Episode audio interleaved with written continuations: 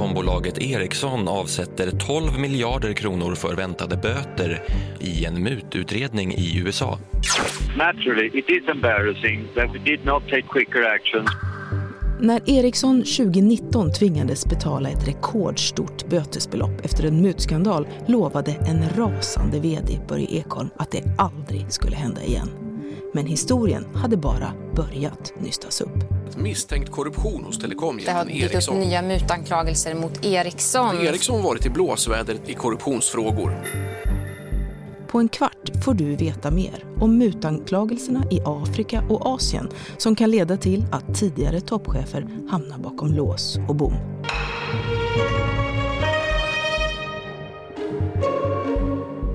Det är måndag den 5 juli och jag heter Erika Dreis. Här är dagens story från Svenska Dagbladet.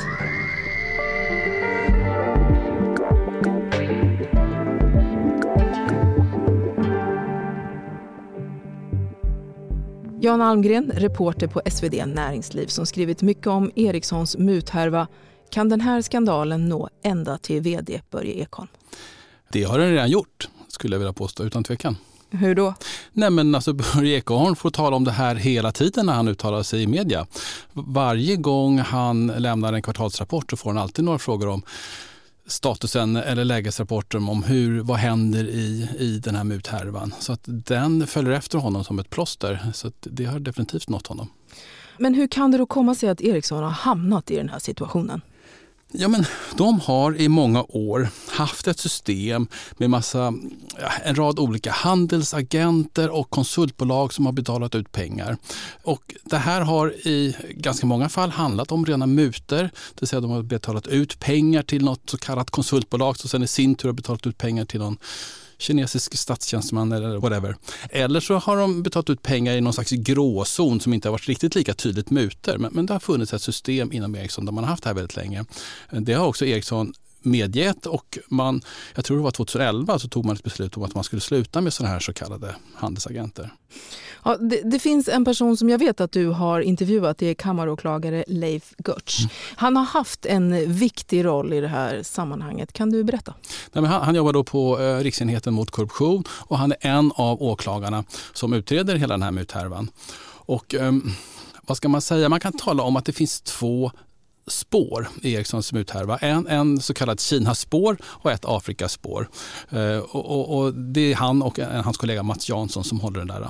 När det gäller Kina-spåret så har man, ligger man lite längre fram till ett eventuellt åtal men när det gäller Afrikaspåret så har man just alldeles nyligen faktiskt presenterat ett åtal och man har åtalat då fyra stycken före detta Ericsson-direktörer. Vad är det ni har brutit mot för någonting då? Ja, vi har ju en egen affärsetisk kod. Det- Den kommer ju av att det är ju inte bara viktigt att man vinner affärer, det är också viktigt hur man gör.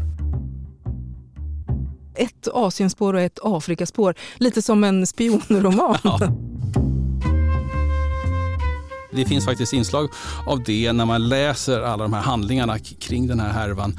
Jag vet att jag tittade just i någon sån här handling eh, där det talades om att, att olika direktörer fick i uppdrag av andra högre upp direktörer att man skulle åka till exempel till Schweiz och inhandla väldigt dyra klockor som då skulle betalas ut eller skänkas till, till statstjänstemän i Afrika i det här fallet. Så att, men det, det är lite spionroman över hela The spy who came in from the cold. The real, no holds barred inside story of espionage. Och eh, idag då, var befinner sig de här två spåren skulle du säga? Afrikaspåret har kommit lite längre, eh, framförallt på grund av preskriptionsskäl, det vill säga att eh, det inträffade för så pass länge sedan, det vill säga 2010, 2011, 2012, så att de brotten är på väg att preskriberas. Så då har åklagaren haft det lite bråttom. Och där har man alltså åtalat fyra stycken personer som jag sa alldeles nyligen, bara för någon månad sedan. Jag tror brottsrubriceringen är bestickning, grovt brott. Och så, så är det det här Kina-spåret då. Det är mer spektakulärt, det handlar om större pengar. Afrika tror jag man talar om 20 miljoner i mutor, men när vi talar om Kina då, då pratar vi kanske en halv miljard. Eh, Och det är också högre uppsatta direktörer i Kina som är, som är misstänkta.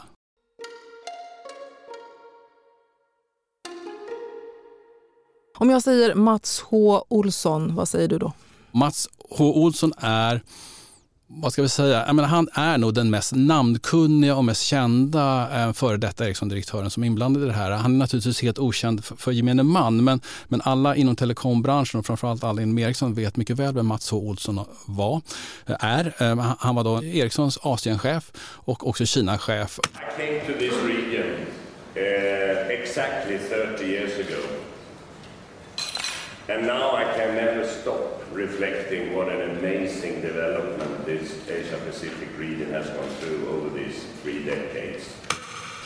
Hade jobbat i Ericsson ja, 25 år när han plötsligt då en, en, dag, en majdag i eh, 2016 eskorterades ut under ganska dramatiska former ur Hongkong-kontoret, Ericssons Hongkong-kontor. Och vad var han misstänkt för? Nej, han är också misstänkt för mutbrott. Och som sagt var han väldigt profilerad, stod dåvarande vd Hans Westberg väldigt nära. Som sagt var han satt med i koncernledningen. Men plötsligt så misstänktes han för um, mutor. Och det var någon intern revisionsundersökning som kom och gjorde någon slags blixtvisit, alltså razzialiknande visit på kontoret i Hongkong. Eh, och Svenska Dagbladet har beskrivit för många gånger hur han under det här besöket då eskorterades ut av internrevisorer till liksom inför chockade medarbetare. Så det var dramatiskt. Det var 2016. 2016. Och han är nu delgiven. Bara för några veckor sedan så har han nu blivit delgiven misstanke om brott. Det är så att säga första steget mot ett eventuellt åtal. Vi vet inte alls om det blir så, men eventuellt åtal åtal. Han är förhör och delgiven misstanke om brott. Men det finns ändå andra felaktigheter som Ericsson ändå har erkänt. De dömdes ju för att betala ett rekordstort bötesbelopp på en miljard dollar efter en uppgörelse med amerikanska justitiedepartementet. Mm. Eller vad, vad säger du om det? Nej, men det, det, är helt korrekt. Det är en historisk uppgörelse som kom då i december 2019. Och där Ericsson, det är det som är så otroligt intressant här, Ericsson erkänner att man har ägnat sig åt korruption. Och det här är då en amerikansk utredning som började någon gång 2014 eller sånt där mot Ericsson som ledde fram till, den här, till det här bötesbeloppet då på 10 miljarder kronor. Um, hur reagerade nuvarande vd Börje han, blev, han blev eh, otroligt arg. Eh, han använde ett antal kraftuttryck så jag måste säga att jag aldrig tidigare har hört en svensk vd använda. Eh, och då har jag ändå jobbat med näringslivsjournalistik i snart 20 år. Jag tror han sa citat, jag blev fullständigt jävla rasande, slutcitat, när han liksom slog, såg slutsatserna i den här rapporten. Mm om man ska förklara det lite enkelt så kan man säga att den här amerikanska utredningen mot Ericsson den handlade om företaget Ericsson som företag och resulterade då i det här bötesbeloppet och resulterade också, det är viktigt att betona, att Ericsson erkände att man hade ägnat sig åt korruption. Det vi nu ser är det rättsliga efterspelet för de enskilda individerna av samma härva, av samma korrupta kultur. Jag tänkte bara säga det, jag tycker också det är värt att nämna att förutom de här kraftuttrycken från vd Börje Ekholm så, så, så sa han någonting annat som eh, ja, men som man faktiskt tycker är ganska anmärkningsvärt. Och det var att han medgav, han talade förvisso delvis om enskilda rötägg, men han talade också om en korrupt kultur. Och det är ju verkligen någonting helt annat än enskilda rötägg. Han medgav att det fanns en korrupt kultur här och då kan man bli lite bekymrad. Mm. För då pratar vi liksom en hel, en hel eh, stämning, en hel attityd inom företaget. och, och varför gör i så fall Ericsson så här? Ja, men de gör det för att de behöver få åt och komma åt de här kontrakten. Ericsson säljer, de säljer inte telefoner längre utan de säljer det som kallas för basstationer, stora, du vet, stora telekomsystem till andra länder. Och då är det ju väldigt vanligt, förenklat kan man säga att Ericsson har en stor upphandling i Afrika, i Djibouti då i det här fallet, eller i Kina. Och då, då är de med i en stor upphandling och då finns det ett antal andra konkurrenter som är med och tävlar om den här upphandlingen, att få den här affären som kan vara värd tiotals miljarder. Är, är mutor legio då i sådana sådana stora upphandlingar? Mm, om du skulle fråga en mutexpert så skulle han eller hon svara ja, absolut. Det, det är lego, det är väldigt vanligt, skulle säkert mutexperten, många mutexperter som jag har talat med säger att det är så här det går till. Och, och de lägger ju gärna till också att vi i Sverige är nära på naiva som tror någonting annat, att det är klart det, det, det är så här det går till, ja. Eh, och det är klart att, att där har vi då ett antal riktlinjer och principer för hur vi arbetar. Och här finns det händelser och, och individer som har brutit mot dem. Vem eller vilka har då tjänat mest pengar på Ericssons kritiserade affärer utomlands? Mm, det, det, det, tycker jag är en bra fråga. för Det ska man nog tänka på att de här enskilda före detta direktörerna, de enskilda rötäggarna, om de nu var rötägare, eller de enskilda uttrycken för den här korrupta kulturen, de har ju inte um, skott sig så att de har fickorna fulla av pengar, utan de som har tjänat på det här, det är ju de utländska statstjänstemännen. Du vet statstjänstemannen i Afrika. Det talades i åtalet som kom nu i Afrikaspår så talades till och med om att Djiboutis president fick pengar eller kinesiska högt uppsatta statstjänstemän får då pengar för att se till att Ericsson vinner den här upphandlingen.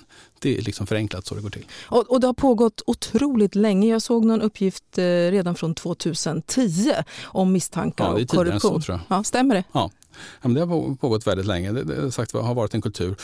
Men, men, då kan man också, också nämna där att sagt, all, all, alla affärer med så här så kallade handelsagenter kanske inte är klockrena mut, mutbrott. Det, det, det, är mycket möjligt att det finns en, en gråzon. Ericsson har ju godkänt en viss form av, av utbetalningar till, till, vissa personer då som har, har bidragit positivt till Ericsson har fått vissa kontrakt och sådär. Men det har pågått väldigt länge och det tycker jag också kan vara ett skäl till att man kan bli lite bekymrad. För jag menar, ju längre det har pågått desto svårare kan man möjligtvis föreställa sig att det är att ändra på den och imagemässigt, du var, du var lite inne på det, på mm. företagskultur och annat. Men hur har det här drabbat Ericsson? Som varumärke och som finansiell spelare? Nej, nej men det, det, korta svaret är katastrof, katastrofalt. Det tycker jag absolut. Som jag sa inledningsvis, eh, vd Börje Ekholm får hela tiden frågor kring det här. Och det sätter en stämpel på Ericsson att det är lite eh, mygel och båg. Sådär. Å andra sidan kan du vända på och säga att du vet, vi har ju sett många sådana här skandaler. Minnet är ganska kort på de finansiella marknaderna. Så att um, det här kanske glöms om ett par år. Det kanske redan har glömts av ett par um, investerare. Uh, om du köper Ericssons aktie idag så tror jag inte att du lägger in den här muthärvan som en parameter som eventuellt kan styra aktien upp eller ner. Ericsson was accused of violating US laws for bribing officials to gain customers, falsifying its records and not using reasonable accounting controls. Men det finns ju i alla fall en springande punkt här hela tiden och det handlar om den yttersta ledningen. Va, vad har den egentligen vetat? Ja, du, du tystnar här. Ja. Det, det, är en, eh, det är en helt central fråga, eh, Erika. Eh, och, alltså det är väldigt viktigt att betona att det finns inga idag misstankar mot Börje Ekholm. Det finns inga misstankar mot tidigare vd Hans Westberg.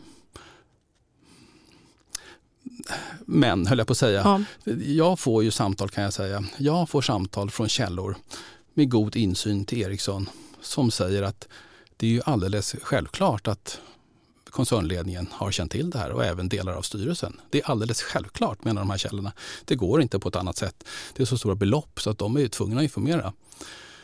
Jag vet inte hur jag ska förhålla mig till de källorna och det finns inget formellt eh, misstanke. Det, det, kan inte nog betonas. Um, men det är klart, jag tror att det är många som du som ställer den frågan. This is a sad chapter in an otherwise proud history we have. And I feel personally very upset to find the company in this position. Så sitter Börje Ekholm säkert? Jag tror att Börje Ekholm sitter väldigt säkert. För vi ska också komma ihåg att Börje Ekholm har vänt Ericsson från ett krisbolag till, till ett eh, framåtlutat bolag som går förhållandevis väldigt bra jämfört med hur det gick eh, för ett par år sedan. Börskursen har återhämtat sig eh, signifikant. Så att i det här läget så tror jag att Börje Ekholm sitter väldigt säkert. Men jag tror också att Börje Ekholm kommer få dras med den här muthärvan i ganska ja, kanske flera år till. Och vad som händer det återstår att se. Om det blir ett åtal även för den här spektakulära Kinaspåret i höst med, med Mats Olsson. Det, det, kommer nog darra till lite om det kommer ett åtal mot Mats Olsson. Då tror jag det finns en, en annan direktör som blir lite stressade. Mm. Och tidigare vd då, vad vet du om dem? Hans Westberg var tidigare vd före Börje Ekholm. Jag tycker jag tycker det finns skäl att tro att Hans Westberg eventuellt kan komma att kallas till polisförhör i höst. Jag tycker inte det är en orealistisk bedömning. Eh, det behöver inte alls betyda att han är misstänkt. Han kan kallas till förhör upplysningsvis som det heter. Men, men jag har svårt måste jag säga att se framför mig att um, åklagarna är inte är intresserade av att höra Hans Westbergs um, berättelse och Hans Westbergs version av det hela eftersom han satt så nära. Han var ju Mats Olssons uh, närmaste chef. Och då ska man komma ihåg att Hans Westberg är ju inte en person som har, lever någon pensions, pensionärstillvaro utan han är ju vd för amerikanska telekomjätten Verizon. Och jag tror inte att Verizons aktieägare eller eh, intressenter är särskilt roade av att Hans Westberg kallas till polisförhör i, i, Sverige. Så det kan nog bli lite stressigt för honom. Mm. Om vi återgår till Ericsson där, och ska man hålla sig långt ifrån Ericsson-aktien nu? Eh, det tycker jag inte alls. Jag, jag vill inte säga någonting vad bu eller bä om Ericssons aktier men man kan bara konstatera att, att um, Alltså Ericssons aktiekurs handlar ju om framtiden, det handlar väldigt, mycket, väldigt lite om det som har hänt i det förgångna. Ehm, det här är redan för länge sedan diskonterat som det heter på, på finanssvenska. Det, säga, det här Ericssons aktiekurs fick en smäll kring 2019 när den amerikanska utredningen publicerades. Då backade Ericssons aktier men sedan dess så, så styrs Ericssons aktierna helt andra parametrar och den, den har ju gått riktigt bra det senaste året. Så kopplingen mellan moral och börskurs den är inte alltid hundraprocentig? Nej. Tack Jan Almgren. Tack för att jag fick komma. Vi som gjorde programmet idag var Daniel Persson Mora, producent, Adam Svanell, redaktör och jag heter Erika Treis.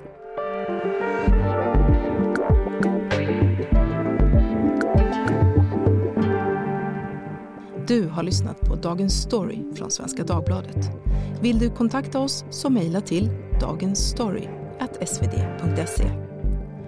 Klippen du just hört kom från Sveriges Radio, TV4, Expressen, RCR, Wireless, IIN och från Ericsson.